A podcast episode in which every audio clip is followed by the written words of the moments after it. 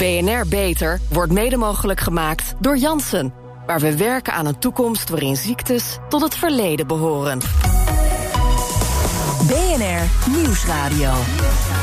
Beter. Nina van den Dungen. Welkom bij BNR Beter. Maar liefst 5 miljoen Nederlanders hebben last van chronische aandoeningen. En bovendien heeft de helft van de volwassenen ook nog overgewicht. Kortom, heel veel Nederlanders zijn ziek, te zwaar, hebben te veel stress en eten ongezond. En dat blijkt een extra risicofactor bij besmetting met het coronavirus. En de aandacht zou daarom veel meer moeten worden verlegd naar een gezonde leefstijl. Daar zijn mijn gasten van overtuigd.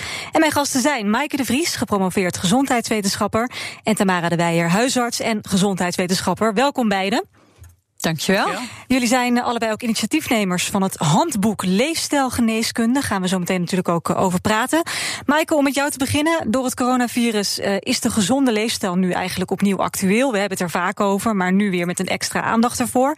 Wat hebben leefstijl en corona nu met elkaar te maken? Nou, die hebben veel met elkaar te maken. Kijk, wat we, we zien, corona, een groot probleem wat op ons afkomt, mondiaal.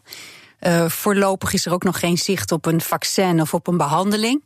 Maar wat we wel weten is dat mensen die uh, overgewicht hebben, die onderliggend lijden hebben, zoals dat dan zo netjes heeft, heet, die chronische aandoeningen hebben, dat die een grotere kans hebben op ernstige complicaties en op overlijden. En voor een heel groot deel hangt dat samen met leeftijd en voor een heel groot deel met leefstijl. En wat wij zeggen is van in afwezigheid van een vaccin, in afwezigheid van een behandeling, is leefstijl eigenlijk het meest krachtige wat je op dit moment kunt doen om te zorgen dat je zelf nou ja, zo sterk mogelijk bent. Dat je corona, mocht jou dat treffen, zo goed mogelijk doorkomt. Ja, ja, dus je weerstand zo optimaal mogelijk houden. Toch hoor je ook dat er met enige regelmaat gezonde mensen worden opgenomen in het ziekenhuis. Hè, die in principe geen onderliggend lijden hadden. Dus een goede gezondheid is geen garantie op een um, gunstig ziekteverloop. Nee, geen garantie. Dus waar we het over hebben is over hè, het verlagen van risico's. En, en, en, en als je beweegt, uh, als, je, als je wandelt, als je, als je rent, als je, als je groente en fruit eet. He, daar, dan, dan, dat biedt geen garantie op dat jij niks krijgt of dat je niet overlijdt. Maar het, het, het, het verlaagt wel heel erg je kans op complicaties. En wat we ook weten is dat mensen met een betere leefstijl, met een betere gezondheid, dat die ook sneller herstellen. Ja. Virologen zeggen nu het immuunsysteem van chronisch zieke mensen dat is dusdanig aangetast uh, al, en al uitgeput eigenlijk, he, voordat een coronabesmetting er mogelijk nog overheen komt en misschien wel de nekslag is. Kun je het immuunsysteem nu in korte tijd zodanig versterken, um, ook bijvoorbeeld ook als je al chronisch ziek bent? Ja, kijk, daar, daar, is heel veel over te doen. Hè. Kijk, als je, als je, als je van, vanmiddag drie kiwis eet, is het niet zo dat je morgen een beter immuunsysteem hebt. Nee. nee. Maar eh, wat, wat is er wel mogelijk, denk je? Nou ja, kijk, stoppen met roken is wel bijvoorbeeld een hele belangrijke uh, factor. Gaan bewegen, anders gaan eten. En dat is niet een instant recept, maar het is wel iets wat zich op termijn uit kan betalen. Ja. Tamara, iedereen uh, houdt eigenlijk wel rekening met een soort tweede golf, misschien wel een derde golf uh, op termijn van het coronavirus, misschien in het najaar. Kun je nu in korte tijd je immuunsysteem boosten? Hoe zou je dat dan aanpakken? Nou, je ziet bijvoorbeeld de Harvard University heeft daar al veel uh, heeft daar al veel onderzoek naar gedaan. Want het heeft heel erg te maken met de laaggradige ontstekingen. dus het zijn echt de chronische ontstekingen in je lichaam. je hebt infecties bijvoorbeeld aan je gewrichten of in je huid. Maar die zijn heel acuut. Maar je hebt ook de laaggradige ontstekingen. Dat zijn chronische ontstekingen. En dat zijn vooral ontstekingen die dus ja, vanuit je vetcellen ook komen. Dus vandaar dat we zien dat mensen met overgewicht of obesitas. Maar we weten bijvoorbeeld van die Harvard University dat je door middel, en Maaike zei net al, uh, bijvoorbeeld groene bladgroenten, maar ook tomaten fruit, uh, noten, olijfolie, vette vis. Dat zijn wat we noemen anti-inflammatoire voedingsmiddelen. Hè, dus die de inflammatie, die de ontsteking naar beneden brengen. Mm dan heb je natuurlijk ook de pro-inflammatoire voeding. Dus waar je het liefst altijd al, maar zeker nu met een grote boog omheen wil lopen. En dat zijn met name de geraffineerde koolhydraten. Dus het, witmeel, uh, de fastfood, de kant-en-klaar maaltijden, de instant sauzen. Waar we gek op zijn. Dus waar we eigenlijk, ja, toch van nature, we houden heel erg van vet en zoet. Hè? Dat ja. zoals dat oerbrein is geprogrammeerd. Ja. Maar ja, juist nu, echt, dit is de tijd om toch ja, je voedingspatroon, of ja, wat Mike ook al zegt, je beweegpatroon, echt wel eens goed onder de loep te nemen. Maar als ik daar nu mee begin, Um, zou ik dan voor het najaar echt een dusdanige betere weerstand kunnen hebben als het coronavirus mij dan misschien treft? Ja, dat denk ik wel. Wat Mike zegt, ja, het is niet uh, als je nu vandaag begint, dan is het morgen ineens heel veel beter. Maar de, ja, het zou zomaar kunnen dat er in het najaar weer een opleving is. We zien dat bijvoorbeeld ook met het, uh, met het standaard griepvirus. Overigens, waar ook mensen met onderliggend lijden. Dus ook mensen met diabetes, hart- en vaatziekten, uh, kanker, maar ook overgewicht en obesitas. Zeker als dat obesitas, dus een BMI boven de 30. Mm -hmm. Dan zien we dat het die mensen harder treft. Ja. Dus het is voor je algehele gezondheid sowieso goed. En voor je weerstand zeer waarschijnlijk ook. En wat is nou de definitie van een gezonde leefstijl? Want dat kan natuurlijk fysiek zijn, maar het kan ook mentaal zijn. Ja, zeker. Dus natuurlijk voeding, beweging, uh, slaap zijn heel erg belangrijk. Maar ook ontspanning. Hè, dus een beetje stress ja, hebben we allemaal wel eens. Het hoeft ook helemaal niet zo erg te zijn, maar zeker chronische stress. Maar daarbij hebben we ook als Vereniging Arts en Leefstijl ook nog twee andere pilaren. En dat zijn sociale verbinding, wat in deze tijd natuurlijk best wel uitdagend ja. is. Binnen blijven, um, geen fysiek contact. Ja, heel afstand. weinig. Hè. Ja. De regels worden gelukkig, omdat we, ja, we zien echt een afname. Dus we, de, gelukkig worden de regels weer wat soepeler. Maar die echte isolatie, ja, je ziet dat dat uh, veel eenzaamheid, veel mentale stress oplevert. Ja, en het stukje zingeving. En zingeving bedoel ik helemaal niks vaars of niks spiritueels. Maar wat is voor jou belangrijk? Waar sta je 's ochtends voor op? Ja, en als dat je familie is uh, die je op dat moment niet kan bezoeken. Ja, dan kan doet dat veel stress geven. Dus ik ben Ja. heel blij dat we ietsjes verruimen nu. Ja. Weten we hoeveel mensen er ongezond leven? Is daar een, een percentage van te zeggen, Maaike? Nou, wat we in ieder geval weten, hè, dat zei je ook net in de inleiding, is dat uh, een beetje afhankelijk van hoe je dat meet. Hè, wat is de definitie? Uh, tussen de 5 en de 10 miljoen Nederlanders één of meerdere chronische aandoeningen hebben. En dat cijfer van 5 miljoen, dat is, hè, dat is een cijfer van het, van het RIVM. En dat is het aantal mensen dat in een jaar voor een chronische aandoening naar de huisarts gaat. Hmm. Als je gaat kijken van wie heeft er, hè, als je niet naar de huisarts bent geweest, maar wie heeft zo'n chronische aandoening in zijn dossier staan. Nou, dan ga je naar 8 of 10 miljoen Jeetje. mensen. Uh, is dat dan, zijn dat dan allemaal mensen die uh, ongezond leven? Nee, natuurlijk niet. Maar de, uh, wat, wat, wat we weten, en de cijfers van het voedingscentrum bijvoorbeeld, dat merendeel van de Nederlanders eet te weinig groente, eet te weinig fruit, snoept te veel, drinkt te veel alcohol, groot deel rookt ook nog. Ja, dat kun je niet gezond noemen. Maar exact cijfer noemen van nou, zoveel miljoen mensen leven ongezond, vind ik ingewikkeld. Ja, Tamara, we hebben het dus vaak ook in dit programma over een gezonde leefstijl. Um, ieder weldenkend mens weet natuurlijk dat dat nodig is, dat dat gezond is, dat dat beter is om te doen. Waarom lukt het veel mensen dan toch niet om in elk geval in de basis gezond te leven?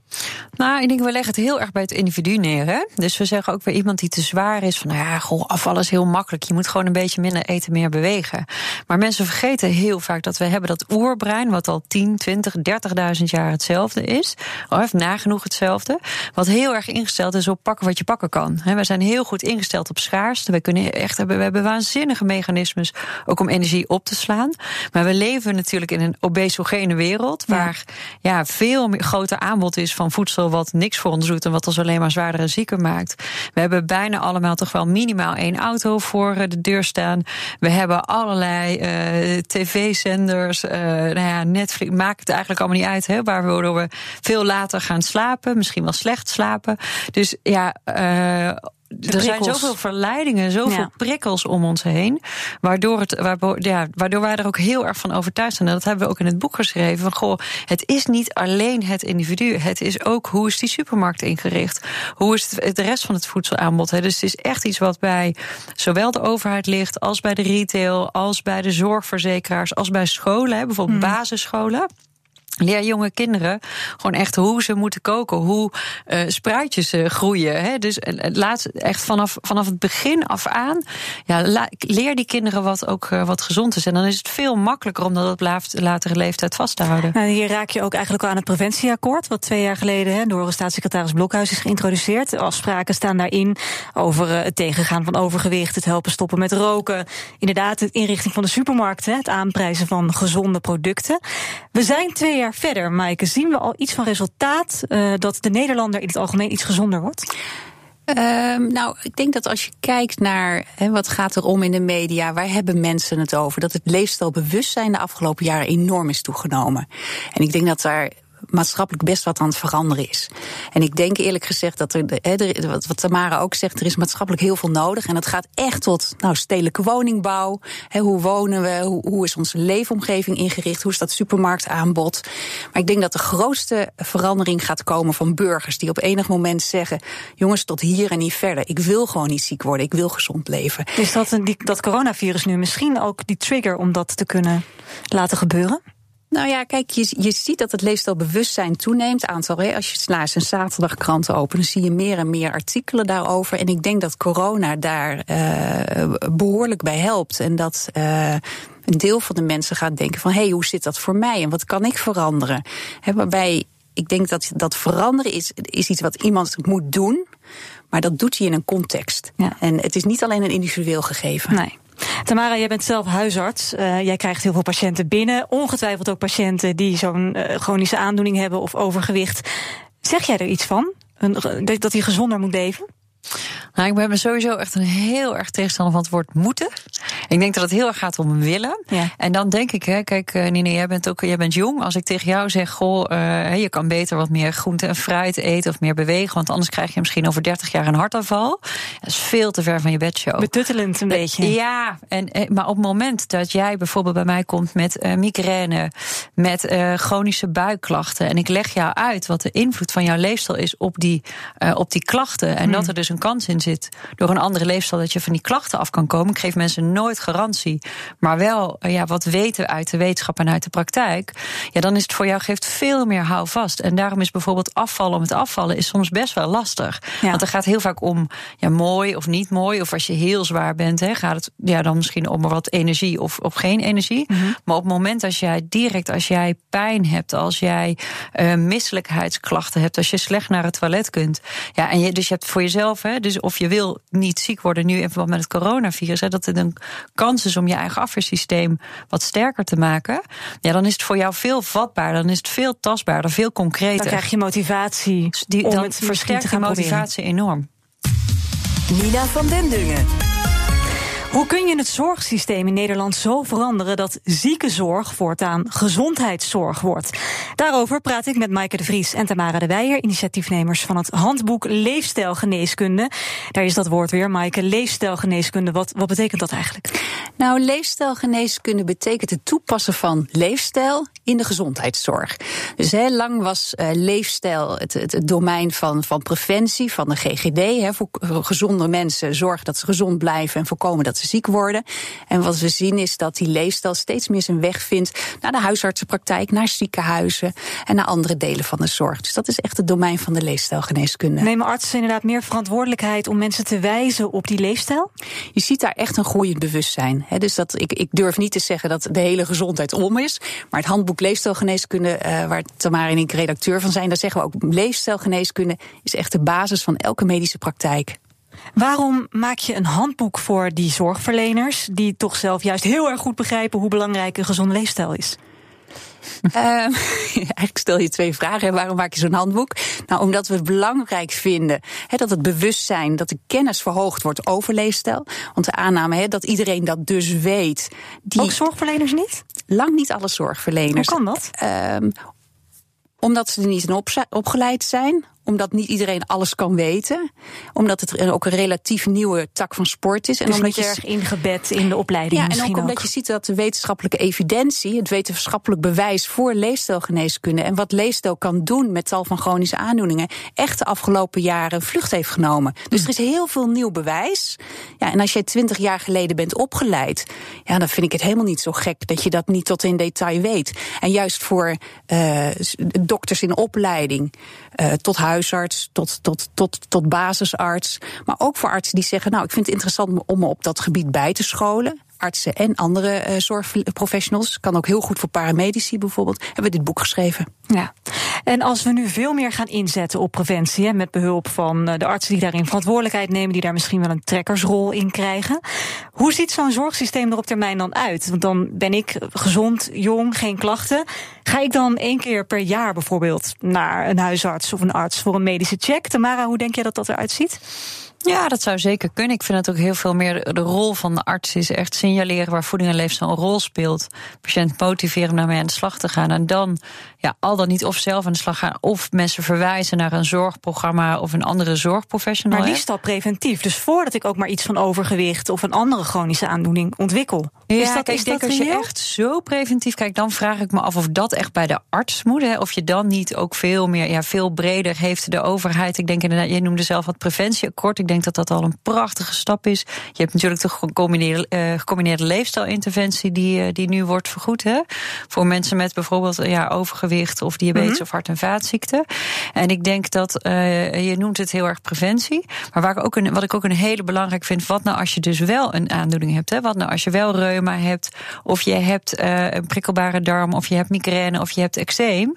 Wat dan? Hè? Want dat is natuurlijk ook een reden om naar, om naar de dokter te gaan. Mm En als je dan ook naast de medicatie ook de leefstijl bespreekt, ja, dan denk ik dat het heel krachtig kan zijn. Mm. Um, hoe kunnen behandelaars mensen het beste motiveren, denk je? Want jij refereert heel erg aan, je hebt al iets, hè, en dan heb je een, echt een intrinsieke motivatie om het aan te pakken. Maar als ik als uh, gezonde vrouw eigenlijk nergens last van heb, maar ik, ja, ik eet ook niet iedere avond groente, ik eet niet elke dag mijn twee fruitjes. Hoe, hoe, ja, ja, hoe ga je mij aanspreken?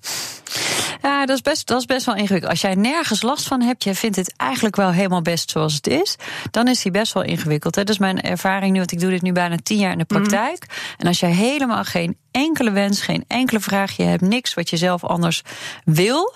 En dan uh, en ik adviseer van ja, maar het is wel heel belangrijk en dat moet je wel doen. Mm Dan gaat dan, niet werken, denk dat je? gaat denk ik niet werken. Dus dat kan ook niet later in een eventuele verplichting van iedereen is verplicht om twee keer per week te gaan sporten. Ik zeg maar even iets. Ja, dat zou ik een hele slechte zaak vinden. Ja, ik denk ja, om echt mensen te gaan verplichten. Ja, ik merkte ik zelf al meteen al een beetje opstandig wordt. Ja, ik denk wel dat het, het, weet je, het verleiden naar gezond gezonde gewoontes. En dat mhm. is, gaat verder dan alleen de, de praktijk van de zorgprofessional, wat mij betreft. Maaike, welke rol spelen bijvoorbeeld verzekeraars hierin? Want als we dan kijken naar de toekomst waarin je uh, eigenlijk misschien wel preventief al wat dingen goed wil doen. Dus je wil eigenlijk wel gaan sporten voordat je iets te dik wordt.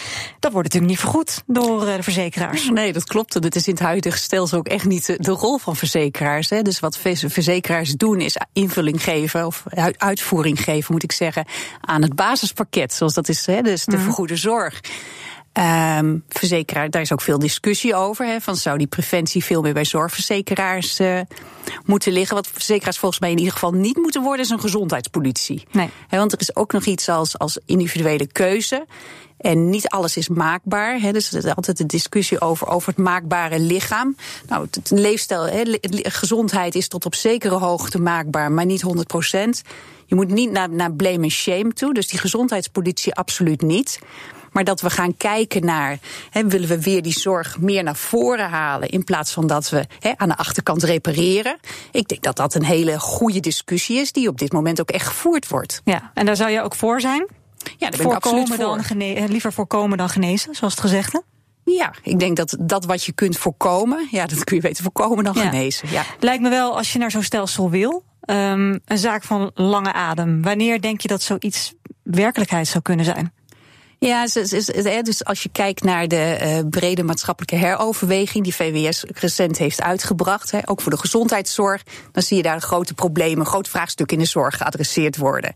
Het, kost veel geld, uh, er zijn te weinig zorgprofessionals, te weinig handen aan het bed.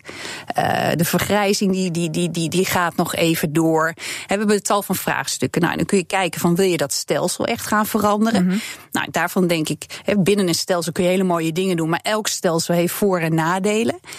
Ik denk dat de grootste verandering op dit moment kan komen vanuit die zorg zelf. Dus vanuit die spreekkamer van, van, van die arts, vanuit die instelling waar een zorgbestuurder iets gaat doen. En dat je met elkaar gaat kijken van ja, als we op die manier willen werken, wat staat ons dan in de weg? He, bijvoorbeeld perverse financiële prikkels. Nou, en daar kun je binnen het, binnen het staande stelsel kun je best wat aan veranderen. Hm. Tamara, wat denk jij dat de belangrijkste verandering of aanpassing is die gedaan moet worden in ons uh, zorgsysteem? Nou, ik denk dat wij nu worden wij dus betaald, want Mike zegt die perverse prikkels. Wij worden betaald voor ziekte. Als jij mijn patiënt zou zijn en ik ben praktijkhouder, hoe vaker jij bij mij komt, hoe zieker jij bent, hoe meer geld ik voor jou krijg. Ja. ja. dat is helemaal niet wat ik zou willen. En dan vind ik wel weer, ja, dan heb je wel weer een heel mooie reden, ook in de huisartsenpraktijk, om wel met preventie aan de slag te gaan. Op het moment dat ik, eigenlijk zoals de oude Chinese dorpsdokters, hè, die werden betaald om hun populatie zo gezond mogelijk te houden. Um, als zij dan ziek werden, werden ze financieel gekort. Nou gaat dat in deze maatschappij wel heel ver. Maar dat zit wel dichter bij een stelsel waarbij wij niet beloond worden als dokter zijnde voor ziekte. Maar het is veel meer voor gezondheid. En dan, ja, je ziet nu inderdaad de, koplopers, die doen het, ja, al kost het ze geld. Als je praktijkhouder bent, dan kan het je geld kosten. Maar die vinden het zo belangrijk dat het alsnog gebeurt. Um, maar ja, liever zou je zien dat wij ja, bekostigd werden echt vanuit, uh, vanuit gezondheid en niet vanuit ziekte. Mooi. Ik wil jullie hartelijk danken voor uh, jullie komst naar de studio. Uh, Maaike de Vries en Tamara de Weijer. En meer informatie over het handboek Leefstijlgeneeskunde vind je op onze site bnr.nl/slash Peter. Zorgvernieuwers. Nou, zoals elke week besteden we natuurlijk aandacht aan medische innovaties binnen en buiten de muren van de universiteit. Waar wordt er nu aan gewerkt en wat moeten wij daarover weten? Vrouwen met een hoog risico op hart- en vaatziekten die zijn zich vaak niet bewust van dat risico, terwijl er wel degelijk voortekenen zijn. En als die voortekenen op tijd worden herkend, dan is er dus veel leed te voorkomen. Rimke Vos is programmamanager onderzoek aan het Leids Universitair Medisch Centrum. Ze houdt zich bezig met dat onderwerp. Goedemiddag. Goedemiddag. Wat zijn de voortekenen bij vrouwen met zo'n verhoogd risico op hart- en vaatziekten? Ja, nou eigenlijk zouden we de zwangerschap als een soort uh, stresstest kunnen zien.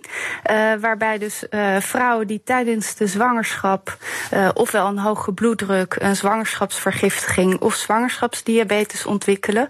nou ja, eigenlijk kunnen zien als een risico of een aanwijzing dat ze later in het uh, leven toch wel een hoog risico lopen om hart- en vaatziekten te ontwikkelen. Ja, want wat is dan het verband met die hart- en vaatziekten? Omdat die inderdaad pas vaak jaren later uh, zichtbaar zijn. Normaal uh, gesproken wel, maar wat we nu toch ook in de praktijk al wel zien, is dat bij ongeveer de helft van de vrouwen die zwangerschapsdiabetes ontwikkeld heeft, toch binnen vijf jaar uh, daadwerkelijk uh, diabetes ontwikkelt. En ook bij zwangerschapsvergiftiging gebeurt dat toch ook al enkele jaren na de zwangerschap. En zoals het nu eigenlijk in de standaard voor de huisarts staat, is dat vanaf 50 jaar of rond de overgang vrouwen hierop gecontroleerd worden. En ja, uh, over het algemeen is een zwangerschap toch wel, uh, nou ja, uh, aanzienlijk wat jaren voor de 50. Mm -hmm. Dus, nou ja. Ik hoop het de leeftijd zou.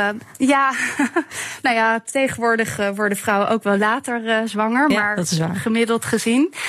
Uh, dus nou ja, in die zin zou je eigenlijk al veel eerder alert hierop moeten zijn. Ja. En, uh, Want hoe gebeurt dat nou nu? Ja. Want die vrouwen die moeten dus eigenlijk extra in de gaten worden gehouden vanaf dat moment. Dus bijvoorbeeld vanaf de zwangerschap. Hoe, Ja. hoe gaat dat in zijn werk? Ja, nou zoals het nu is, als een vrouw een van deze complicaties ontwikkelt, dan komt ze onder zorg bij de gynaecoloog.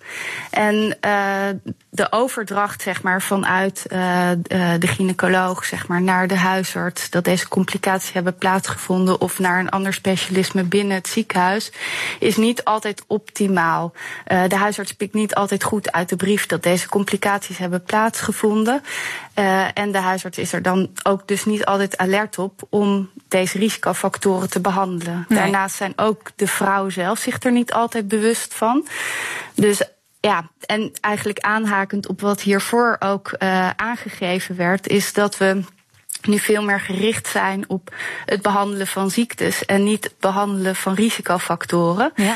Uh, en dat heeft dus ook te maken dat, uh, dat zeg maar vrouwen die een hart- en vaatziekte of diabetes hebben, die vallen eigenlijk in een periodiek zorgprogramma, Mhm. waardoor ze ook periodiek opgeroepen worden. Uh, maar deze vrouwen nog niet. Dus het is echt afhankelijk dat de huisarts en dat de vrouw alert is. En ook jaarlijks. Uh, dat je het niet vergeet Nee. om een afspraak te maken. Om nou ja, je risicofactoren uh, weer te monitoren. En, En als zij veel vaker worden gescreend en dus in de gaten worden gehouden, in hoeveel procent van de gevallen kan dan ook echt worden gezorgd dat de vrouw geen hart- of vaatziekte ontwikkelt? Nou ja, dat willen we nu ook onderzoeken. Uh, Want wat nu wel het geval is, uh, we weten niet precies wat, uh, bij welke vrouw uh, nou een hart- en vaatziekte of diabetes ontwikkelt. Mm -hmm. Wat bijvoorbeeld het geval is als iemand diabetes heeft of reuma, dan wordt bij het uh, risicoprofiel uh, dat iemand heeft 15 jaar bijvoorbeeld erbij opgeteld. Wat we daarom in het project Hart voor Vrouwen Den Haag willen, is dat we nu zeg maar aan de zekere kant gaan zitten. Dat we deze, ja, deze vrouwen nu jaarlijks gedurende de eerste vijf jaar uh, oproepen. En daarna elke drie jaar. Maar tegelijkertijd gaan we ook werken om te kijken... kunnen we nou nog andere factoren vinden... die ons aanwijzing geven dat we uh, bepaalde vrouwen... dus wel echt zo frequent moeten zien. Maar andere vrouwen, uh, nou bijvoorbeeld pas voor het eerst na vijf jaar. Mooi. Nou, dat klinkt als een mooi project. Sluit ook goed aan bij het gesprek wat ik had met Maaike en Tamara. Zeker. Dankjewel. Rimke Vos, programmamanager onderzoek aan het LUMC. En tot zover deze aflevering van BNR Beter. Terugluisteren kan natuurlijk altijd via onze site en onze app.